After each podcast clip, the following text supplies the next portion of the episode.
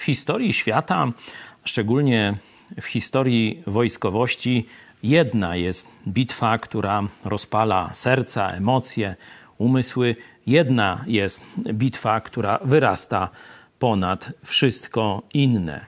To Termopile, to spartański król Leonidas i jego 300 najdzielniejszych Spartan, którzy nie zawahali się oddać życia w praktycznie beznadziejnej, straceńczej misji.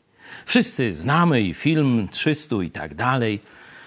Pod względem militarnym ta bitwa nie miała wielkiego znaczenia, trwała tylko parę dni. Na chwilę opóźniła marsz, marsz Azji e, w kierunku Europy, w kierunku cywilizacji e, greckiej. E, także po wojskowemu to nic tam się nie wydarzyło. Ale zobaczcie, do dziś rozpala nasze umysły i wyobraźnie. Dokładnie taką samą rolę odegrała wtedy. Rok później ta armia z Azji została pokonana pod Platejami. Tam już były dziesiątki tysięcy Greków, to już było wielkie, frontalne zwycięstwo. Ale siłę ducha dała bitwa pod Termopilami.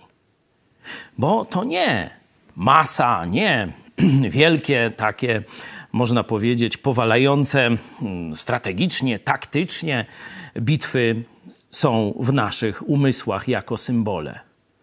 Ale bitwy, gdzie właśnie serce zostało rzucone za przeszkodę.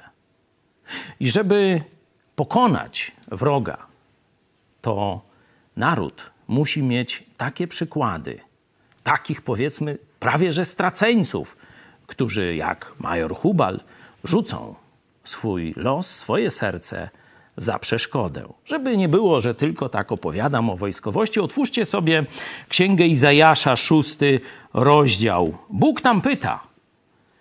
Misja niewiarygodnie trudna, prawie że straczeńca. Kogo poślę?